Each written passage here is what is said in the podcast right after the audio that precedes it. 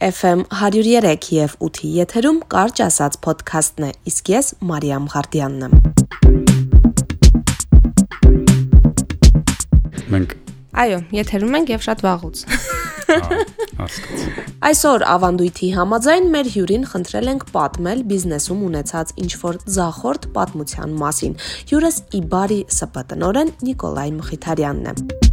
Իդեպ, եթե անկեղծ լինեմ, շատ դժվար է բիզնեսմենին խնդրել պատմել այնպիսի պատմություններ, որոնք նեղ շրջանակներից դուրս չեն գալիս, հասկանալի պատճառներով։ Այսինքն նախապես դուք չգիտեիք, որ դա բարդ է լինի։ Չէ, մենք մենք մտածում ենք, որ կարող որոշակի բարդություն է, բայց որ այս աստիճանը ու այսքան երկար տևողությամբ մեր համար սա ոնց որ մի տեսակ բիզնեսականություն է։ 3 օր են կարել, գիշեր ցերեկ են կարել, ընկերներով են կարել։ Հնարավոր չէ այլ փայտ ուղակի օգտագործել։ Ավելի թանկ էր։ Հա, ավելի թանկ։ Իհարկե ավելի չգիտեմ, ռիսկ են գնացել։ Ուղղակի մեր ռադիո լսողներին չեմ կարա ցույց տամ, բայց դա էլ մոտիվացիա կլինի, որ գնան խանութները մի հատ փնտրեն։ Իսկական բիզնես ապրում է այդ ամենը ու սպասում է այն պահին, երբ կասեք, որ վերջապես եղա։ Հայաստանում այդքան ճշգրիտ վարպետների գտնելը դժվար է կամ շատ ժամանակ գին անգամ թանկ էր ստացվել, որ նույնիսկ մեր ինքնարժեքի գնով որ վաճառենք, այն անփորձությունը հենց նաև ստեղ բերեց որոշակի խնդիրներ։ Երկու ֆորս մաժորային իրավիճակ մի տարում դա տրամաբանությունից դուրս է։ Ուշադրությունը ռազմաճակատի վրա է, բայց մենք ինքներս հասկանում ենք, որ չպետք է կանգնենք։ Այդ օրը հիշում եմ կյանքից երևի ամենադժվար օրերից մեկն է եղել, երբ որ աչքերից դեմը ուղակի սևացել էր, պատտվում էի այդ բեռնատարի կողքերով, տեսնեի թե որտեղից է ջեմը կամ մուրաբան թափվում։ Տարիներ առաջ Նիկոլայը որոշում է, որ պետք է մեղրի արտադրությամբ զբաղվի։ Ի սկզբանե բոլորն էլ գիտեին, որ հեշտ չի լինելու, բայց որ այդքան խնդիրների միջով կանցնեն, այդ արդեն անակնկալ էր։ Հենց սկզբից որոշվում է, որ մեղրի փաթեթավորումը, այսինքն տուփերը, լինեն յուրահատուկ դիզայնով։ Այդ ժամանակ գտնում են այնպիսի մարդու, ով կկարողանար պատրաստել տուփերը։ Բոլորը երջանիկ են եւ սպասում էին առաջին լուրջ քայլերն անելուն ընկերներով գտանք մեկին, ով որ ամբիցիոզ խոստումներ էր տալիս, բայց ամիսներով տարավ բերեց տանջեց, դետալները տարբեր տեղերից էր գտնում։ Զանգում էինք, ասում էր՝ «Հա եկեք, պատրաստ է»։ Գնում էինք, մեկ էլ մի քանի դետալներից։ Ամեն դետալ մի անկյունից էր գտնում, կիսա կեղտոտ, կիսա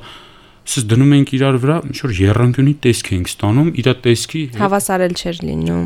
Вообще կապ չուներ, ընդհանրապես կապ չուներ։ Այս մարդու հետ մենք մի 8 ամիս տանջվեցինք, իրան էլ մեր հետ տանջեցինք, զրո արդյունք, բայց բավականին մեծ գումար ծախսեցինք։ Մեր բյուջեն էլ շատ սահմանափակ էր, ամեն ցենտը հաշվել ենք, որ գոնե սկզբնական շրջանը մի որոշակի խմբականակ արտադրենք, վաճառենք, ունենանք եկամուտ ու շարունակենք, բայց հələ չարտադրած մենք արդեն լիքը գումար ենք ծախսել ու ժամանակ ու ինչքան եք ծախսել։ 2000 դոլար հենց առաջի վարպետի։ Զուտ կորցրել եք, հա դա։ Հա, այդ ուղղակի կորցրեցինք։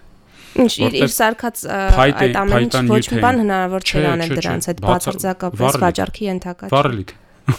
Իսկ ինչ արել վառել եք։ Դե թողեցինք իրան ասեցինք վառի։ Փայտ էինք բավականին մեծ քանակով առել, որոշակի դետալներ գործիքների համար էինք առել։ Հետո ժամանակի ընթացքում ինքը այդքան աշխատողների, որ կանչել էր, աշխատացրել էր, չգիտես ինչ էր արել այդ աշխատողների հետ։ Ու ինչքան մենք սկսեցինք շատ շփվել ու հետաքրքրվել օրինակ հաճարենի փայտի բնավորության կառուցվածք, այնքան սկսեցինք հիասթափվել։ Վախացնում էին անդադ։ Ոչ օտար, ոչ տենց թշնամաբար տրամադրված, հա։ շատ տենց ընկերաբար խորհուրդ են տալիս, որ մի արեք դուք այս գործը, որովհետև նախ է ինքը խնդիրներով շատ հայտնի փայտ է, երկրորդն էլ սենց մակրությամբ, սենց ճշտությամբ, առանց լակա պատելու, առանց չգիտեմ ինչ, դա բացառված է։ Դուք մի բան եք ուզում, որ դա Հայաստանում անհնարին է։ Հետևաբար գնացեք Չինաստան։ Դե Չինաստան չգնալու համար այդ պահին երկու պատճառ կար։ Առաջինը գումար չկար, երկրորդը ի սկզբանե որոշված էր, որ այս բիզնեսը պետք է գործի հենց Հայաստանում։ Զրո հույսով, բայց համառությամբ Երևի Աստված էր այդ համառությունը տալիս, որովհետև չկար տրամաբանություն։ Ասենք մի տարի դու տանջվում ես, զրո արդյունք ես ստացել։ Նիկոլայ, քանի որ խոսեցինք համառությունից, հա, գումար կորցնելը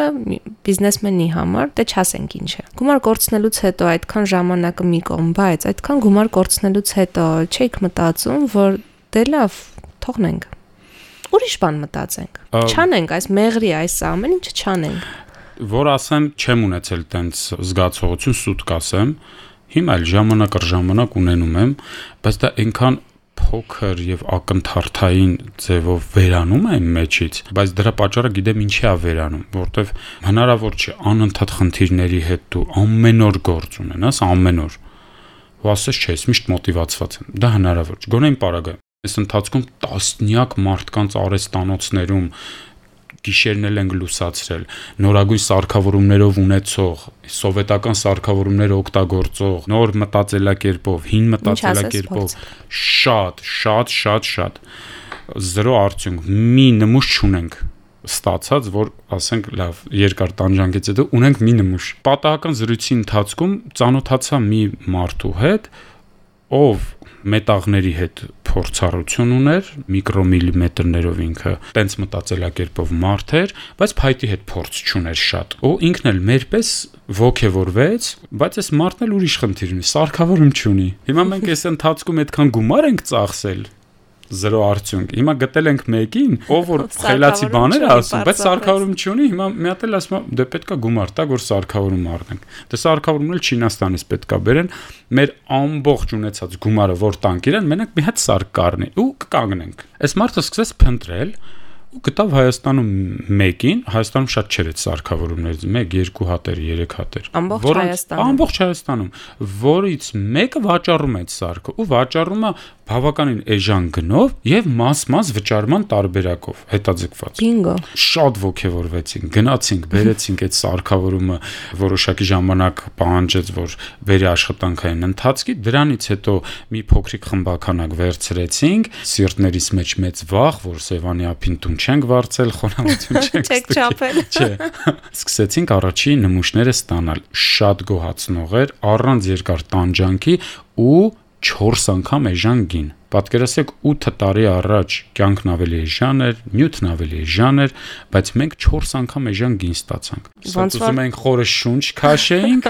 ու ինչ եղավ 18 թվի հայտնի դեպքերն եղավ հեղափոխության ճանապարհները փակվեցին, աշխատանքային ընթացք չկա, հումք չեն կարում բերենք։ Հիմա այս մարդու սարքավորման վճարի օրերը լրանում է, բայց մենք չենք կարողանում արտադրել, օրինակ մի հատ վճարել։ Հիմա մենք վճարում ենք իրան, բայց առանց արտադրանքի։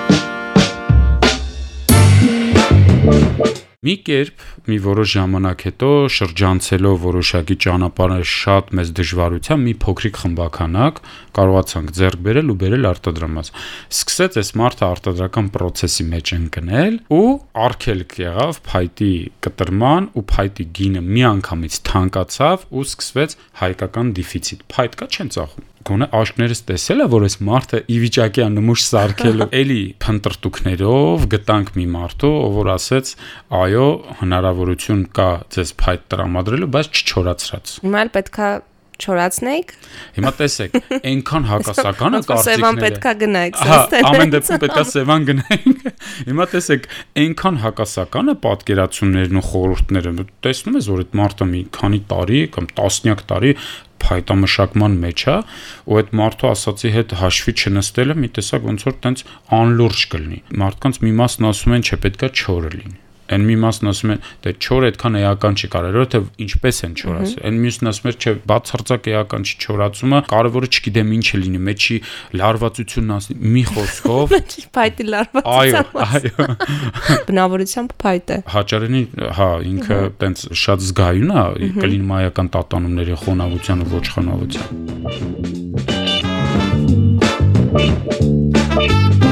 Մարդիկ կային ասում են փայտը պետքա դուք գնեք, գնաք Ստեվանի ափում, մի հատ տուն վարձեք, խոնավությունը չափեք, թե խոնավության ժամանակ իրան ո՞նց է դրսևորում։ Հետո սպասեք ձմեռը գա, Երևանում ձմռանը պայեք, հետո մի հատ ամառ մի խոսքով սենց ֆանտաստիկ ամենա մտքերից միջև պրիմիտիվ օրինակներով հույս չկար։ Բոլորի ասածները մի կողմ դրեցինք, որոշեցի, ասեցի ոչինչ, եթե մենք պետքա այսքանից հետո տուժվենք, եթե ողջվի որ այո պետք է չորացրած ու չորացրածի գինը այնքան թանկ էր ու այնքան էր թանկանում, որ հետևից հնարավոր չէր հասնել գնացինք սկսեցինք չչորացած ուղակի արևի տակ մնացած փայտերի հայթայթում։ Այսինքն չորացումը հատուկ ինչ որ տեխնիկայով է լինում։ Ուղակի արևի տակ չորացածը չի անցնում։ Հա, իրանց ասելով չէր լինում։ Բերեցինք ու այս մարդը սկսեց սարքել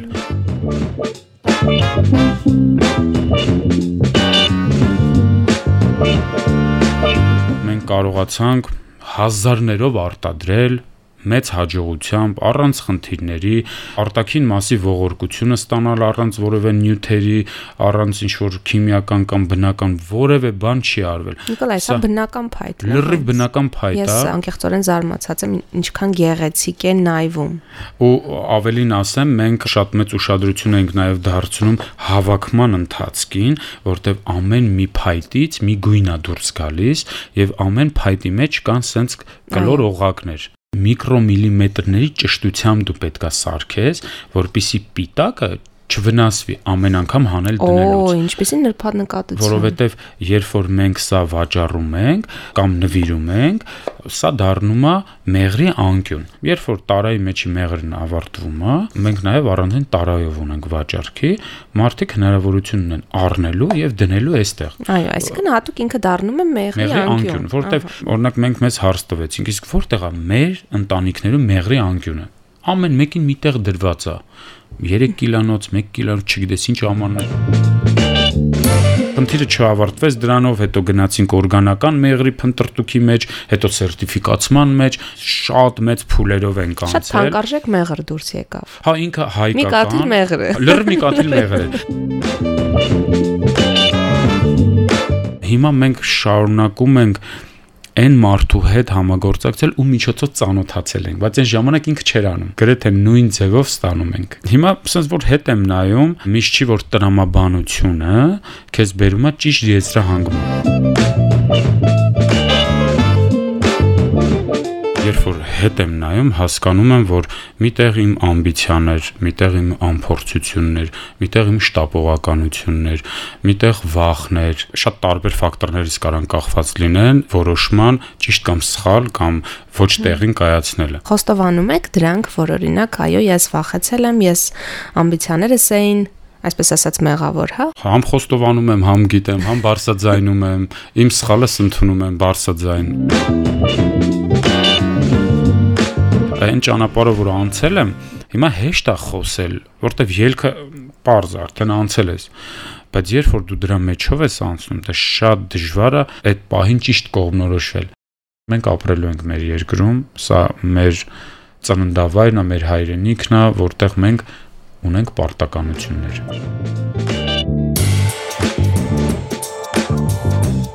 Նիկոլայի պատմության ընթացքում շունչս պահած սպասում էի, թե երբ պետք է վերջապես ասի. «Այո, մենք կարողացանք այդքան տարի փորձելուց հետո հաջողել»։ Այո, այսօր Նիկոլայը հաջողակ բիզնեսմեն է, իր թերություններով, առավելություններով, հաջողություններով եւ ձախողումներով հանդերձ։